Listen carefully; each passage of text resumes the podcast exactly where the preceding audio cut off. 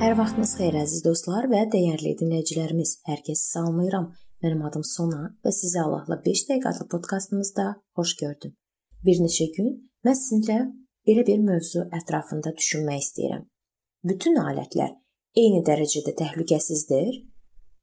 Bəlkə bir çox adamın evində mətbəxdəki masanın üstündə böyük bir bıçaq altlığı var və adamlarının onu döşəməyə və ya masanın kənarına qoymamasının ciddi səbəbi var. Mətbəx bıçağı təhlükəli alətdir və müvafiq olaraq onun istehsalı təhlükəli texnologiyadır.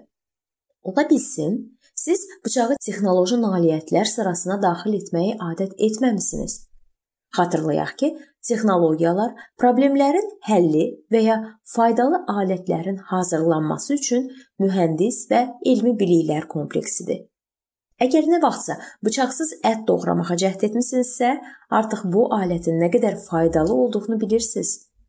Müqəddəs kitabda hətta belə alətlərin istehsal texnologiyalarında inkişaf barədə düşünən adamlar haqqında danışılır. Şaulun taxta çıxması ilə İbranilərdə onların həyatını dözülməz edən, istismar edərək sıxışdıran Filistlilərin əsarətindən xilas olacaqlarına ümid yarandı. Filistlər İbraniləri hansı yolla öz əsarətlərində saxlaya bilirdilər? Onların texnologiyalara girişini məhdudlaşdırmaqla. Müqəddəs kitabın İbranilərin düşdüyü ağır vəziyyəti necə təsvir etdiyinə diqqət yetirin. Bütün İsrail ölkəsində bir nəfər də olsun dəmirçi yox idi. Filistlər demişdilər ki, qoy İbranilər qılınc, nizə düzəltməsinlər. Bütün İsraillər kötanlarını, kərkilərini, baltalarını və oraqlarını itiləmək üçün filistlərin yanına gəlirdi. Kötanın, kərkinin itiləmə qiyməti 1 pim idi. Bellər, baltalar, bəzilər üçün isə şeklin 3də 1-i qədər gümüş pul alardılar. Ona görə də müharibə zamanı Şaulla Yonatanın yanında olan xalqın əlində qılınc və nizə yox idi. Bu silahlar ancaq Şaulun və oğlu Yonatanın əlində olardı. İbranilərin daim necə əsəb keçirdiklərini və təhqir olunduğunu təsəvvür edə bilərsinizmi? Bu xalqın tarixi onun qələbələri ilə zəngindir. Əvvəllər onlar qələbə qazandıqları bir çox döyüşlərdə istifadə etdikləri silahları və alətləri özləri hazırlayırdılar. Lakin o zamanlar geridə qalmışdı. İndi öz alətinin adicə təmiri zamanı İsrailli hər dəfə filistlərin əsarətini xatırlamalı idi. O öz alətini bütpərəst dəmirçinin yanına aparmağa məcbur olurdu.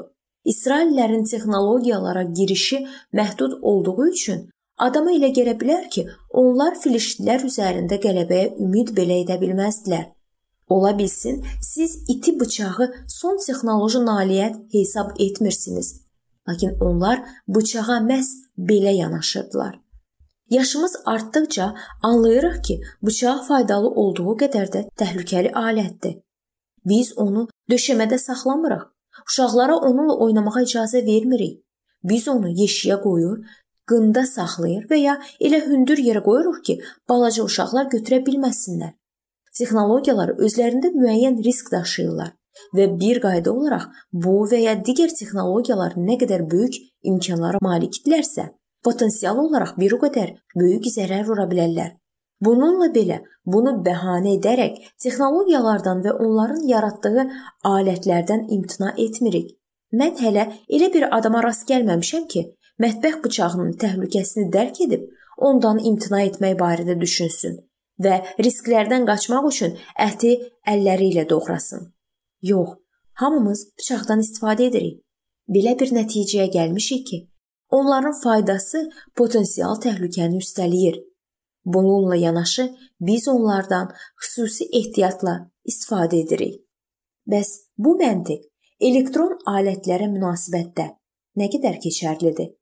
Bu barədə biz növbəti görüşümüzdə danışacağıq.